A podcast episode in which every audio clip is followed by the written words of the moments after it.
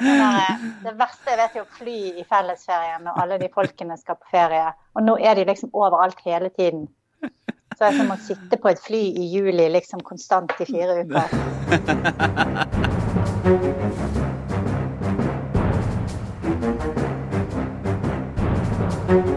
Ah, nei, da tror jeg vi bare ruller i gang jeg, med en eh, sommerspesial, får vi vel kalle det, av Aftenpodden USA. Så vi sitter litt på hver vår kant og har foreløpig siste arbeidsdag før ferien, alle tre. Vi har i New York Øystein Langberg. God dag, god dag. God dag, god dag. Eh, er det en varm og frisk morgen? Jeg ser eh, vifta i taket går i, i, speilet bak deg. Ja, her er det sommer i Her er det sommer om sommeren. I mange måneder. Så jeg er ikke bekymra for sommerværet. Jeg tror dere bør være mer bekymra enn meg. Ja, fordi i Bergen, Kristina Pletten, sitter du og ser ut på eh, regn og grå himmel i god tradisjon. Klarer du, å, klarer du, å, engasjere deg? Jeg ser jeg, Øystein har et litt ja. Ekkelt lys om munnen uh, etter, etter, den innledningen. Her er det altså kanskje ja, 14 grader, pøsregn, grått. Og sånn skal det vel bli de neste ja, tre-fire ukene, vil jeg tro. Så hvis, hvis, man tenker at denne Vi har jo da spilt denne her inn mens vi fortsatt var på jobb. Nå eh, sendes den ut mens vi er på ferie og koser oss eh, rundt omkring i verden. Men vi regner med at værsituasjonen og, eh, er omtrent lik også når denne går ut. Da er du et eller annet sted på en strand i USA, er du ikke det, Øystein? Jo, når denne går ut, så tror jeg jeg er et eller annet sted i Massachusetts. Kanskje ute på Cape Cod Uh, antageligvis ligger jeg med en svær lobster roll i hånda. Det er i hvert fall målet. Uh, så får vi se. Ja. Altså, jeg, er vel da i, jeg er vel da i Kragerø, antar jeg, og prøver å få låne båten. Som det er litt sånn Jeg, jeg, har, full, jeg har, ikke fått full tillit til å få kjøre den store båten ennå, selv om jeg tok eh, båtlappen i fjor. Men uh, i år kan det hende at jeg får prøve meg. og du, Pletten, er på fjellet eller noe sånt? Eller sitter sikkert i en fergekø regner jeg med, da. Ja. Når noen hører denne. Nei, men Det er fint. Det vi tenkte oss denne uka, var å gå inn, som vi har nevnt eh, en stund, og ta imot eh, gode spørsmål fra dere lyttere. Eh, vi har fått inn veldig mye og veldig mange gode, omfattende spørsmål, som er så store at vi ville endt opp med å diskutere det i lang tid. Så det tar vi egentlig med oss inn i kommende uker og i høsten. Og så kommer vi tilbake til flere av dem, men vi, men vi har fått en god del. En miks av stort og smått. Så dette er en sånn, eh, hva de amerikanske podkastene kaller det, en mailbag-episode. Der vi tar for oss eh, litt, litt diverse. Og vi kan jo egentlig bare begynne på, tenker jeg. Som dette er jo da et mer sånn på, på politikken. Et spørsmål fra, fra lytter Trond Atle. Og det er jo da hva skal til før republikanerne, altså politikerne, eh, sier nei til Trump eller vender seg mot Donald Trump? Er, er, det noe som kan få dem til å bryte med lojaliteten som de har hatt siden 2016? Er det, hva skal skje da, tror du? Jeg tror i hvert fall det korte svaret på det er at det tydeligvis skal skje veldig mye. For det har Vi har skrevet mange saker om det. Jeg tror ikke Stina skrev om det da hun var her. Vi har skrevet om det da jeg har vært her. At eh, Spekulert i når kommer det liksom Eh, den republikanske eh, partiestablissementet til, til, å bryte med Trump, og så har det egentlig aldri skjedd. Man har sett litt tendenser noen ganger. Folk som har jobba der før, har gått ut mot Trump. Men i det store og det hele så har de liksom stått, stått ved Trump frem til nå. Uh, og spørsmålet er hva som skal til før det skjer. Og det går nok en smertegrense som ikke er så langt unna der Trump er nå. Han har jo hatt en sånn såkalt approval rating, altså en sånn popularitetsprosent på, rundt, på over 40 hele tiden. Eh, nå er han på 40 blank. Hvis, hvis, Trump blir en stor hemsko for gjenvalg, eh, så kan man nok se at flere prøver å skape distanse til han. Men jeg tror bare et hovedpoeng er at det er veldig sent å gjøre det nå. Det er jo, Han har blitt stilt for riksrett. Alle har stemt for å frikjenne han, bortsett fra Mitt Romney. Eh, og det er bare ja, det er litt over tre måneder til valget. Det er, de har, det er litt sånn vanskelig og med kredibilitet prøve å skape avstand til Trump nå. Så jeg tror det er litt sent. Hvis du ser, Kristina, Hva er det som kan sies å være grunnen til at det ikke har vært mer motstand? Altså, sagt, Det er Mitt Romney, det er noen få eh, klager her og der. Man snakker om eh, ja, det er ganske sånn, det er myk kritikk om den i det hele tatt kommer, og de fleste har jo slutta lojalt opp hele veien. Hva er, hva er logikken bak den støtten uh, som har vært? Altså, jeg tror Det er to hensyn her. Da. Det ene er praktiske, og det andre er det moralske. Uh, og det ser ut som den praktiske veier mye tyngre for de fleste. uh, det som uh, har skjedd veldig systematisk siden Trump kunngjorde sitt kandidatur, egentlig lenge før det fra Tea Party-bevegelsen begynte, er jo at de har veldig systematisk angrepet kandidater som har på en måte ikke, ikke vært enige eller, eh, eller, hatt en eller annen eh, eh, mening som ikke har vært helt innenfor det de mener det skulle være. da. Sånn at det som, det som de har gjort, er at de har gitt penger til kandidater som har utfordret de som har blitt sittende, og som har talt mot f.eks. Trump. Så det, det, er rett og slett et praktisk problem. fordi at Hvis du går imot Trump, så, så vil du sannsynligvis bli stemt ut. Altså du vil, bli, du vil få en kandidat eh, kjørt mot deg eh, i distriktet ditt, og så vil du bli, eh, miste plassen din i Kongressen. Det er det praktiske. Så har du det moralske at noen har allikevel eh, eh, talt den imot noen ganger. Det har stort sett vært politikere som allikevel skulle ut av Kongressen. Altså som sitter i sin siste periode eller har trukket seg. Um, veldig få Du nevnte Romney, han er vel en av de eneste jeg kan tenke på som virkelig har, eh, har hatt ryggrad til å stå opp da, fra et moralsk standpunkt.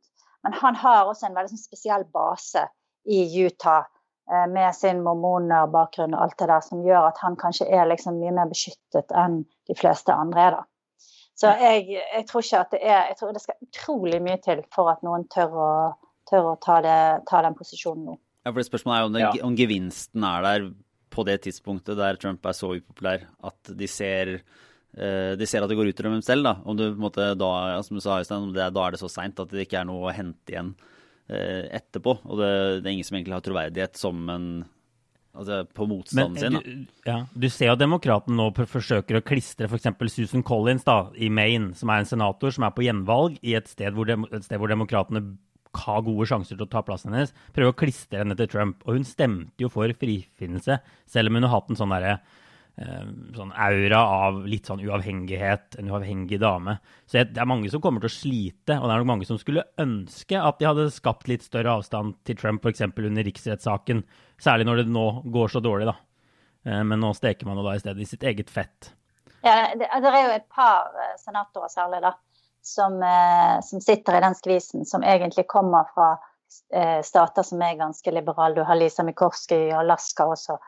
Så, har prøvd å liksom stå i en slags spagat der de har tatt litt avstand fra Trump og samtidig egentlig eh, stemt ganske mye med han. da. Men eh, det er en relativt liten gjeng der. Så jeg tror eh, når, når, liksom har Når de har vært i en skikkelig skvis, så har de nesten alltid falt ned på, på Trumps side. Mm. Så konklusjonen på det er vel egentlig nei, de kommer ikke til å, kommer ikke til å vende seg mot Trump. Og kommer til å være bindet til masta helt til over valget, enten de måtte ville det eller ikke. Eh, så får vi jo se, da. Det, det er jo Det har vært et såpass uforutsigbart eh, periode og, og opplegg uansett fram til dette her, at det, det kan jo selvfølgelig komme en del inn fra sida. Eh, hvis vi går videre, eh, så er det et mer, mer en sånn, eh, et litt løsere spørsmål, kanskje. Men eh, det går jo til dere på, som eh, da tidligere og nåværende USA-boere. Altså, hvis dere ikke var i USA som korrespondenter, og dere da kunne bosette dere i hvilken by dere ville, bortsett fra New York, hvor ville dere bodd? Ja, det, jeg, jeg, eh, tok jo leiligheten til Christina i New York. Uh, og jeg, først vil jeg bare si at New York er et hakk bedre enn jeg hadde trodd også. Eh, de siste, Nå har det jo vært pandemi denne våren her. Vel, altså, store ja. deler av storbylivet er jo vært bare stengt. Vi har hatt bil og kjørt ut til strender. Det er jo helt fantastiske strender. Sånn 45 minutter kjøretur fra leiligheten vår i Brooklyn. Hvor man får rett og slett Det er ikke så overfylt heller. Det er sånn Danmark-stemning. Så først vil jeg bare si skryt til New York. Ja. Veldig bra by.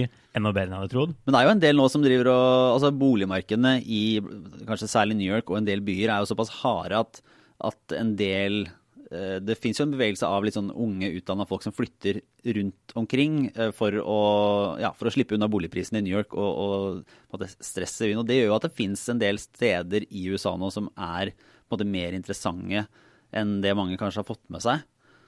Er ikke det sånn? Ja. Jo, jo, jo, helt klart. Men, men altså, det kjedelige svaret på det spørsmålet for min del, hvis jeg ikke skulle bodd i New York, så ville jeg bodd i Washington DC. Og det er rett og slett bare fordi jeg har sånn romantisk bilde av byen. Jeg har sett altfor mye på West Wing. Eh, og det, jeg har også hørt altså, Folk stortrives der. Eh, så det er det kjedelige svaret. Det morsomme svaret er antageligvis Miami. Ja, det- hvor jeg har hatt det bra ganske mange ganger. Og Florida er jo bare et spinnvilt sted. hvor jeg- Så jeg, jeg tror det kunne vært gøy å bodd litt i Florida. Og fått, fått den staten på ordentlig, ordentlig nært hold. Ja. Og så Det er mitt svar. Ja. Åssen er det med deg, Kristina? Har du en, eh, en eh, Altså, jeg vet, Det er jo ikke sikkert at New York ville vært din, eh, ditt førstevalg uansett, da, men hvis man, hvis man tar det bort, hvor kunne det vært Altså, jeg ålreit å har bodd i New York i i elleve år før jeg eh, var der som korrespondent. Så jeg kjenner jo New York mye bedre enn de andre stedene. Og så har jeg bodd et år i Los Angeles.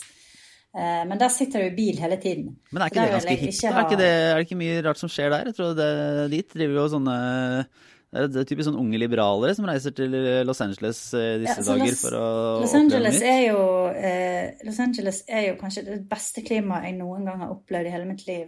Og der er du innen Altså en, eh, på en distanse på to timer så kan du stå på ski, eller du kan ligge på strand. Og det er fantastisk natur rundt der. Men det er eh, helt forferdelig å bo i en by der du må sitte to timer i bil for å gjøre hva som helst.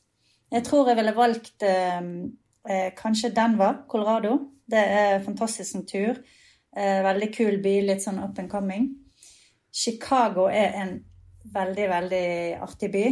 Eh, der skjer det veldig masse, og det er liksom en litt sånn eh, et litt sånn annerledes sted enn enn mange andre steder i USA. da. Det er mye kultur og eh, Og litt sånn det der eh, Masse forskjellige folk som bor der, men den er ikke så eh, den er ikke likevel, den er likevel mye mer sånn amerikansk enn det New York er, f.eks. Og New York har jo veldig mye sånn internasjonal eh, profil. Um, ellers så tror jeg kanskje jeg ville bodd i f.eks. Austin, Texas. Det er jo kanskje eh, Fått litt av den varmen og den der eh, Det er jo en veldig kul by, da. Ja. Austin, Texas. Så er det en eh, litt sånn Har den en lillebror ute på kysten som heter Corpus Christi. Som er kjempefin og veldig spesiell liten by som Ja, der det er en lang sånn strandlinje, og det er veldig flott der. Så Det er litt å velge, men eh, har du en, har du en eh, favorittstat? Ja. Eh, Arizona er min favorittstat. Eh, det er en helt fantastisk stat. og det, Der kan du være på ferie ukevis bare i den staten. Strekker seg fra Grand Canyon i nord og helt ned til Mexicogrensen. Og eh, der er store indianerreservater som er superspennende å besøke. Eh, den har flere storbyer, altså Tucson og Phoenix, som er kule byer. Og så har den sånne Hva heter det da? Sånn sky eh, deserts, eller hva det heter. Altså det er sånne Du kjører liksom 1000 meter opp i høyden, og så er det grantrær, og plutselig er du i, i en natur som ligner på Norge, da. Eh, og så kjører du ned, og så er du i ørken og sånn eh, Ja, et sånn eh, ørkenlandskap. Så eh, Sedona fins i Arizona, som er sånn eh, hovedstad for all slags sånn der eh, rare New Age-folk, men som også har sånn helt fantastiske klipper og Nei, det er virkelig en helt eh, Det er en eventyr av en stat, altså. Så der kan du reise på ferie neste Mangler, gang. mangler Øystein. kyst, kyst, da? Er ikke det litt sånn eh, I hvert fall hvis du skulle bosatt deg der, du som er fra Bergen og allting. Mangler regn.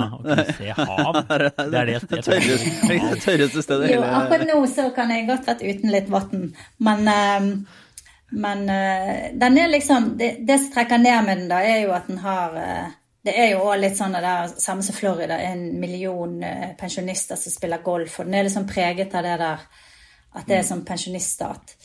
Den sånn, litt sånn rufsete rykte og sånn som Florida, har den ikke det? jo. Jo da. Det Altså, har på hva den. da? Man gjør den mye narr av både Florida og Arizona. Er det, mener du sånn som Florida Man?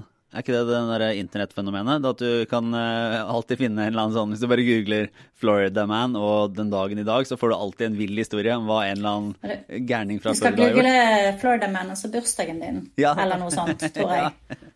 Da får du Altså, din Florida-mann. Ja, Ja. det var det. Sånn var Og det. da har det skjedd et eller annet helt sjukt garantert på bursdagen din, som du kan sette pris på. Men det er jo en sånn tullvits her. Det er derfor jeg nevnte Miami i stad òg. Altså, da vi skulle leie bil her om dagen, så var det sånn Du har en sånn her, sånn bom, bombrikke, Og så spør jeg fungerer den over hele, sta, hele USA. Ja, den fungerer over hele USA, men antageligvis ikke i Florida, sier hun dama og smiler lurt. Da ler alle, ikke sant. Hmm, ja, ja. Eh, vi går videre til et uh, annet spørsmål som kom inn, uh, som er litt mer enn politiske hjørne igjen. Men altså, hva er argumentene til de som vil fortsette å ha et privat helsevesen? Altså ikke en statlig variant. Altså hva er det som er Vi, vært, vi var jo inne i dette eh, litt sånn tidlig i vår om, da vi snakka om amerikansk helsepolitikk.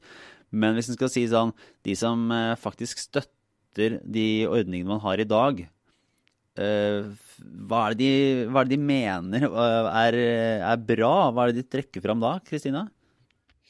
Det er vel to ting. Det ene er at de har ikke tillit til staten. De vil ikke Eh, de vil ikke overlate sin egen helse til staten.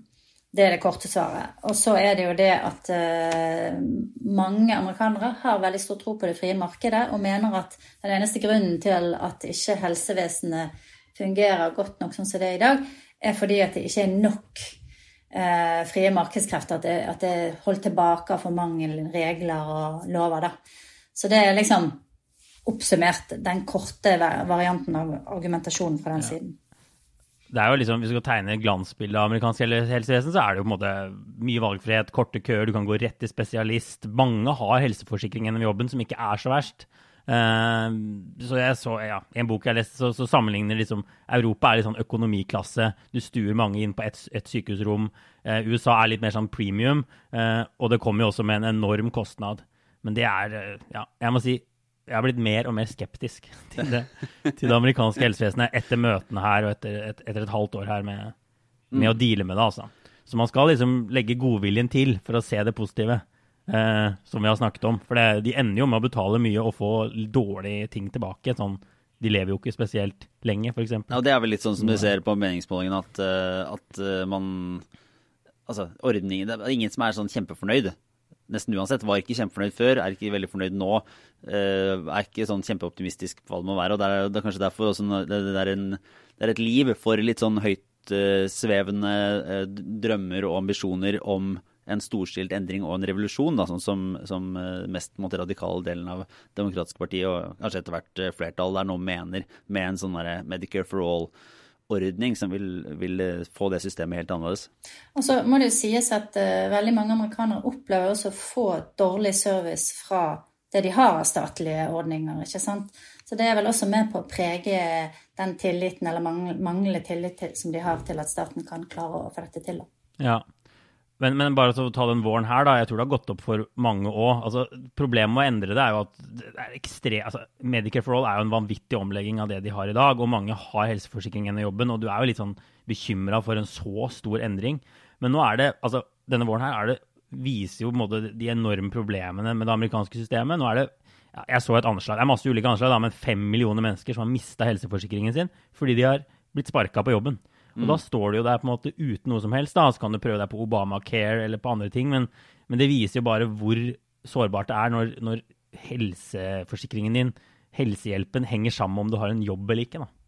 Og folk kan, ikke, ikke sant? folk kan ikke være hjemme fra jobb selv om de har symptomer, fordi at uh, du har ikke betalt uh, sykefravær. Uh, så det er liksom masse sånne ting som på en måte er med på å bare speede opp eh, spredningen av koronaviruset og covid-19. da.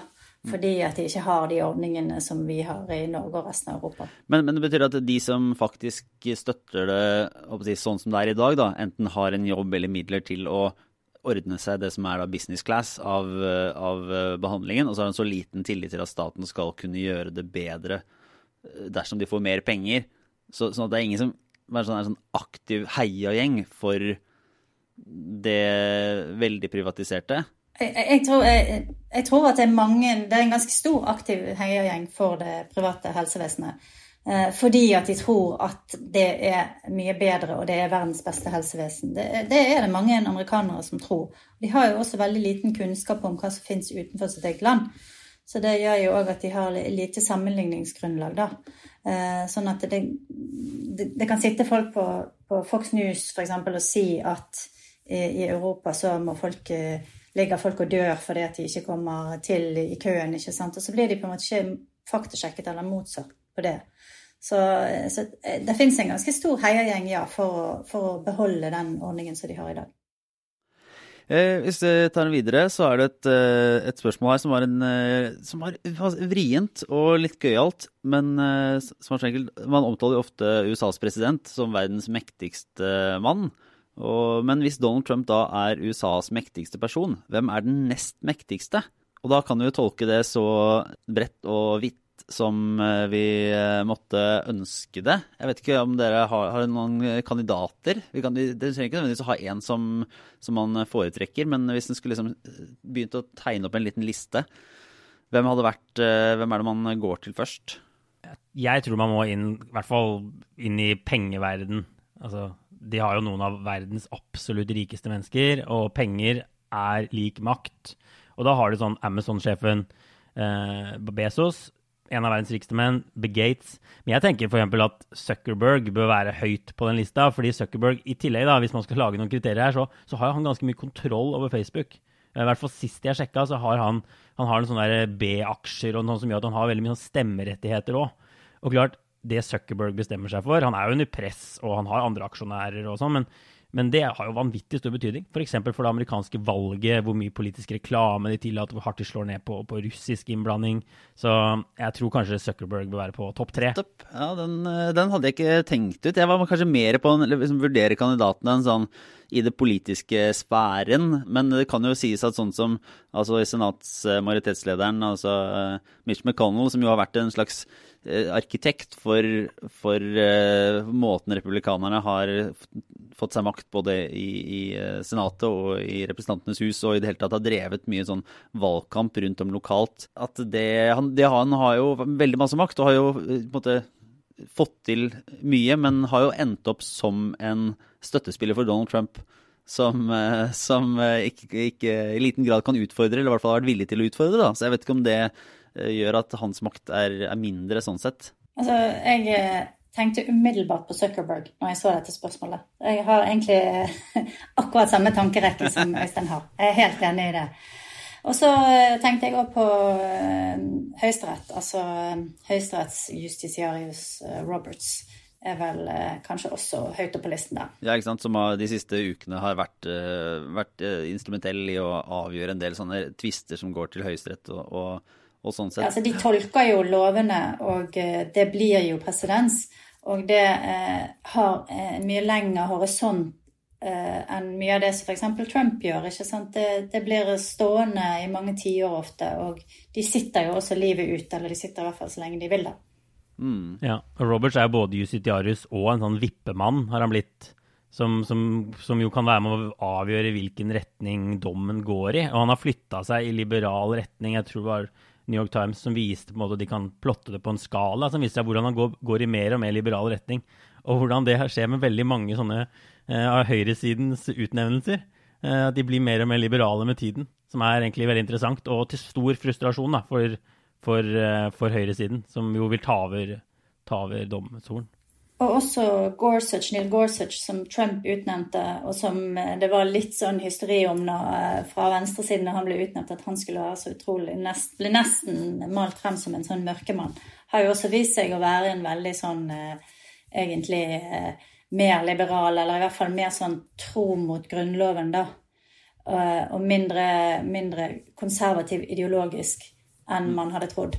Jeg, så det er en veldig ja. interessant høyesterett de har akkurat nå, syns ja. jeg. Jeg lurte jo litt på om jeg skulle kaste inn en sånn Jeg merker at jeg er mer på den eh, kulturelle og politiske kapitalen her, men, eh, men Fox News enten uh, bare sånn Sean Hannity eller en av de programlederne i Fox som, som ser ut til å ha en mer eller mindre sånn direktelinje inn til Trump, da, fordi man er med på måtte forme Donald Trumps verdensbilde og mange av de sakene som presidenten er opptatt av. Eller eventuelt hun Suzanne Scott som tok over etter Roger Ailes som sjef i Fox News, fordi at du har et så engasjert publikum som, som, du kan være med på å forme. Men jeg kan jo se at Mark Zuckerberg har mer egentlig påvirkning ved uh, styr og stell i Facebook sånn sett, da. Selv om det jo er et sosialt medium som styres litt fra alle kanter enn en det Fox er.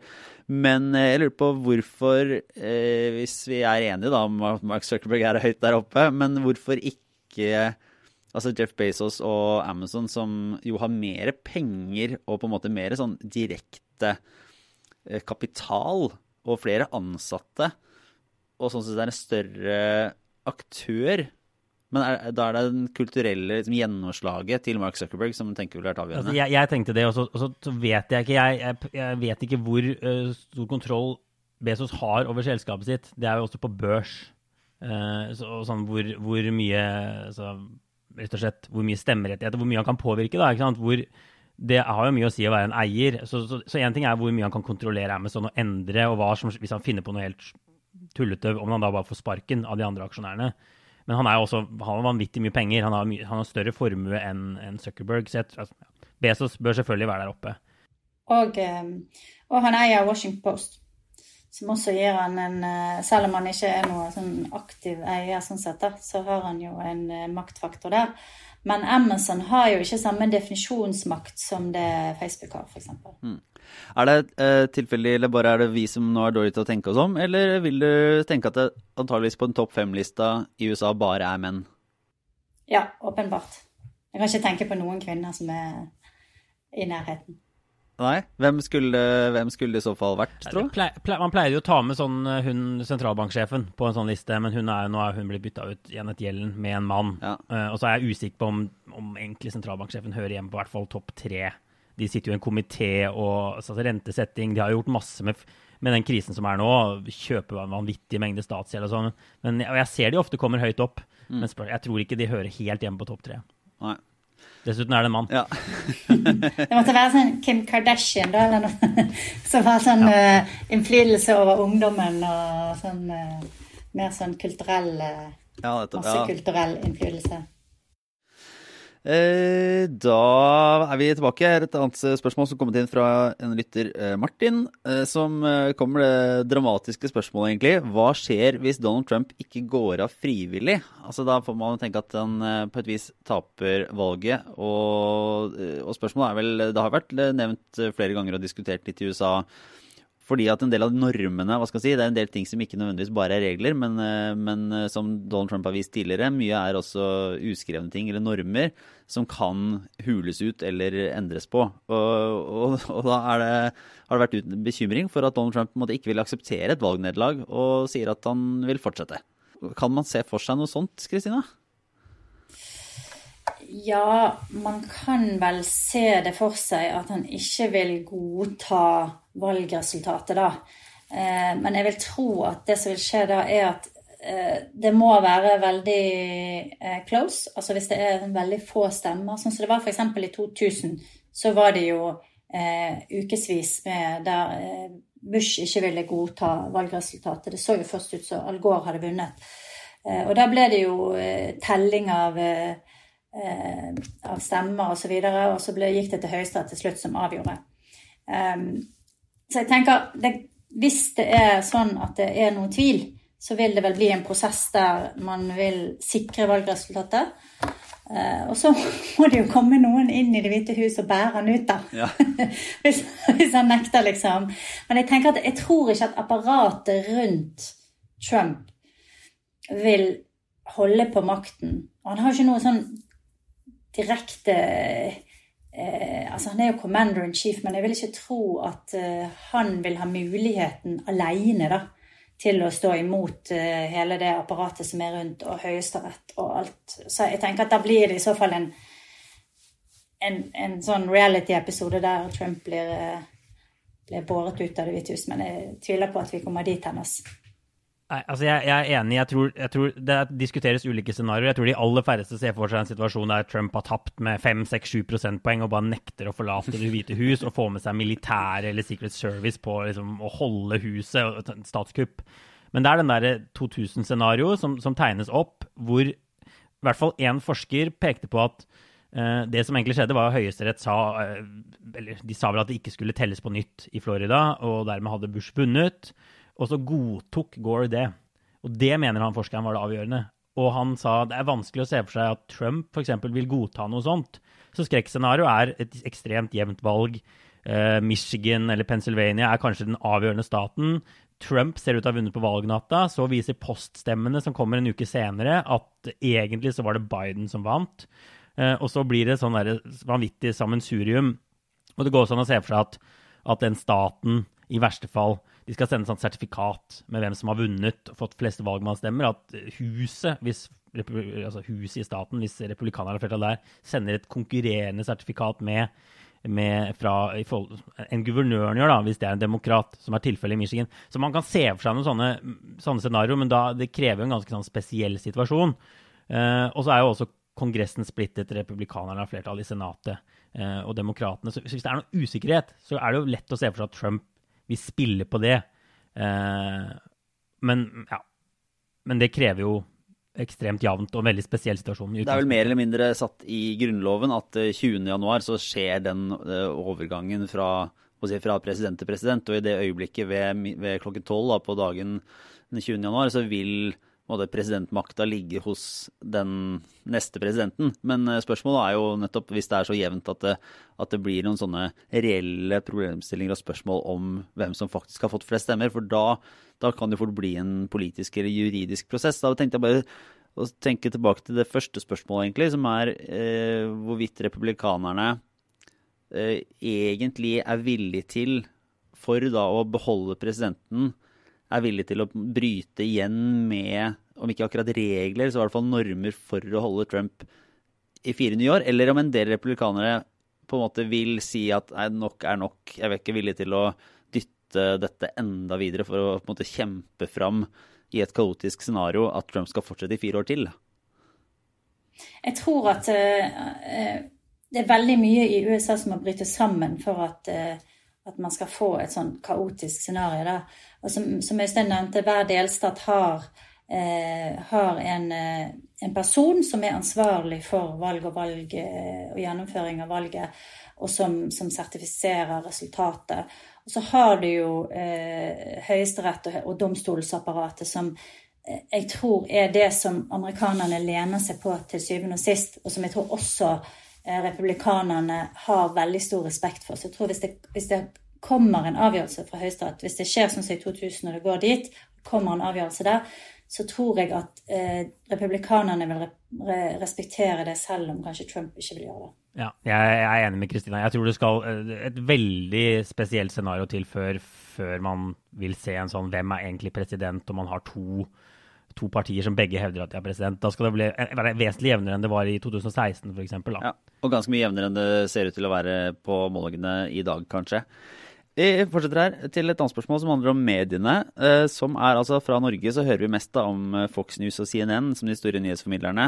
Eh, sist her, og, og, det er på en måte partiske, og at, at det er noe som henholdsvis republikanere og demokraterne da lytter til og at man da lever i liksom forskjellige bobler. Så er spørsmålet er dette helt, eh, er dette her helt reelt? At, at, den informasjonsforskjellen er så stor? Eh, og så er det et videre spørsmål om vi eventuelt har noen eh, Hvilke nyhetskanaler vi følger selv, og, og om det er noen som går på tvers av dette, som har bred tillit både hos demokrater og republikanerne.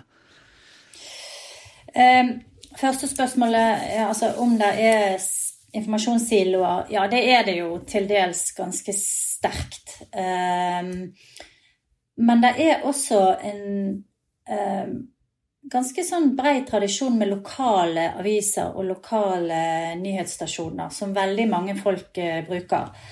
Og de er mye mer sånn um, generelle, da. Og, og, mindre partipolitiske de fleste steder. Men så fins det også um, en del store selskaper som eier eh, sånne kabelrettigheter rundt om. Det finnes et som heter Sinclair, eh, som eier eh, kabelrettigheter i ganske mange delstater og er, har monopol mange steder. Og de er superkonservative, mye mer konservative enn Fox.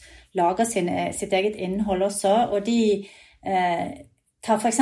fjerner programmer som de ikke syns passer med deres eh, konservative linje. Så det er eh, det fins liksom lommer i USA som, som lever i et veldig sånn ekkokammer, og så fins det andre steder der jeg tror det er mye mindre fremtredende. Er det noen som går på tvers av dette her, som eh, har tillit hos, eh, i begge leirer? Det det, er det er, nok, noen medier som befinner seg litt, litt, mer i midten. Eh, jeg abonnerer på to aviser på papir, sånn, som den gode papiravisjournalisten jeg er. Så jeg abonnerer på New York Times, som jo definitivt plasseres av folk på venstresiden, og Wall Street Journal, som har et litt mer sånn sentrums... Altså, de er, de er jo en, en næringslivsavis med liksom et høyreinnslag, men jeg tror de plasserer sånn journalistikken deres i sentrum. Men det som er interessant med Wall Street Journal, er at det er den mest sånn schizofrene avisa jeg har lest i hele mitt liv. For når man leser journalistikken, så tror jeg det er riktig å si at den er, den er kritisk til Trump, og av og til rosende til Trump og sånn, men, men, meningsbærende sidene, altså lederen, kommentatoren og sånn, de er sånn ordentlig i Trump-leiren. Og det er masse interne Av og til er det liksom kan være én artikkel kjempekritisk til Trump og Russland-etterforskningen Russland, og sånn. Og så kommer det en, en leder som nærmest liksom går i rette med all journalistikken og skriver at dette er helt overdrevet og, og ute av proporsjoner og sånn. Som er helt sånn vanvittig fascinerende, som du ikke ser noen andre steder. Men jeg vil anbefale folk å lese Wall Street Journal, og det jeg også liker, er at det er litt sånn mer konsise, kortere artikler. Og de har ofte mye bra journalistikk også. Uh, så det er ett eksempel. Jeg er veldig enig med Øystein. Jeg elsker Wall Street Journal. Jeg syns det er en kjempegod avis som har blitt bedre og bedre de siste årene. Og det er jo en avis som er eid av Murdoch. Og det har vært igjennom en sånn eh, helt sinnssyk intern strid etter, etter, at Trump ble president, der redaksjonen slåss for sin uavhengighet på den ene siden, og så hadde du da liksom denne meningsredaksjonen på andre siden som trekker veldig i retning av Fox News og noen gang går lenger. Så det, eh, det, det, er et veldig godt eksempel. Men, eh, men, eh, selve journalistikken, den redaksjonelle journalistikken er kjempegod. Og de dekker også en del ting som, som ikke andre aviser er noe særlig gode på. Så det, det, er, veldig bra, det er en veldig bra måte å få, få innblikk i, i, i amerikansk økonomi f.eks. på. Pluss at de har en podkast som heter Potomac Watch, der du kan høre disse kommentatorene i, i full, eh, full, full, dressur, er det det det heter? Fri dressur, eller full vigør? Fri dressur, fri dressur. ja, da, men, men og de, de, forsøker seg på et intellektuelt forsvar for Trump ofte, som er interessant å høre på. Eh, og selvfølgelig For mange europeere så kan det av og til virke som de er på viddene, men det er i hvert fall eh, ja, mer interessant enn en del av de andre ytre høyresidetingene, hvor det kan ofte bare være talking points og fake news og sånn. De går ordentlig inn i ting og så har de sitt tydelige politiske ståsted. Men, men her, nå er dere jo på en måte allerede godt plassert inn i det som vil kalle en sånn elitemediekonsum, da, er ikke det? Og, og som, som, er geografisk relativt begrensa, selv, selv, om jo New York Times har blitt en global en, en nyhetsaktør. Så, så, er det vel, så leser jeg litt ut av her at det er egentlig ingen sånne hva skal man kalle det, absolutte massemedier da, som når høyt og lavt i samfunnet, som uansett hva en ting er hva, hva, journalistikken faktisk er, men også hva som oppfattes som upartisk. Altså, det fins jo faktisk en eh, slags eh, offentlig medium i USA som heter National Public Radio, NPR, som lager utrolig mye bra innhold og har en veldig god nyhetsavdeling. Men også de blir jo regnet for å være litt sånn liberale, da.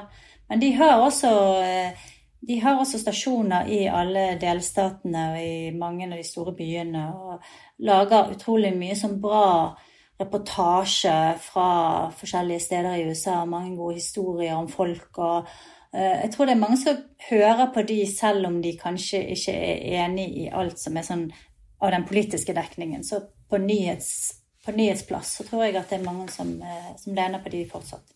Vi runder av med et eh, hva skal jeg si, enklere eller vanskeligere. Er, USA får jo enormt mye kjeft og tyn eh, for tida.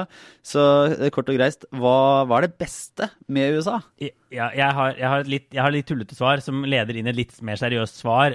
Og jeg synes Noe av det beste med USA er at man kan, man kan kle seg akkurat som man vil. Man kan kle seg som en dass uten at det er et problem.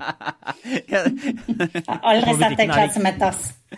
Men jo, men hør nå, på, på, butikk, på, butikken er det for ikke så lett å si at noen er milliardær eller uteligger alltid. Det er en del liksom, veldig sånn sjiktig imellom der. Og jeg må også si at når jeg har vært ute på reportasjer nå Jeg håper ikke han stabssjefen vår hører på det her. For jeg kledde meg vesentlig finere da jeg var i Europa enn jeg gjør i USA. Jeg har til og med drista på meg på å gå med shorts. Det gjorde jeg aldri da jeg var europakorrespondent. Og det litt mer seriøse svaret er jo at det kanskje ikke bare handler om at du kan kle deg som en dass, men det handler om at folk tar på seg akkurat det de vil når de går ut på gata her. Og det gjelder ikke bare New York, det gjelder jo egentlig over hele, hele USA. Uh, det betyr ikke at alle tolererer alt mulig. Det er ikke sånn toleranse nødvendigvis alltid er så stor. Men, men, det er et rom da, for, for, å ta på deg en fargesprakende singlet, sette på favorittsangen din på boomblasteren og bare gå nedover gata, som du aldri ser i Norge. Og det rommet der, det, det er bare en ting jeg elsker med USA. Da. Det mangfoldet der. Åssen er det med deg, Kristina? Tar du boomblasteren på skuldra og, og løper nedover? Jeg skjønner, jeg skjønner veldig godt hva Øystein sier. Eh, men jeg vil si at eh, for meg da, så er det beste med USA er amerikanerne, rett og slett. Altså, jeg har reist rundt eh, i det landet i 30 år og møtt utrolig mye forskjellige folk.